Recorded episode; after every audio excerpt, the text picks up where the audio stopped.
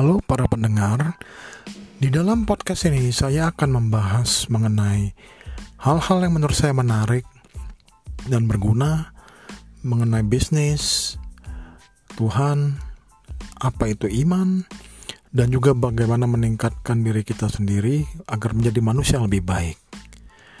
Tidak tertutup juga saya akan membahas topik-topik yang trending, atau aktivitas lain seperti hobi tergantung dari informasi dan narasumber yang saya dapatkan. Terima kasih, selamat menikmati.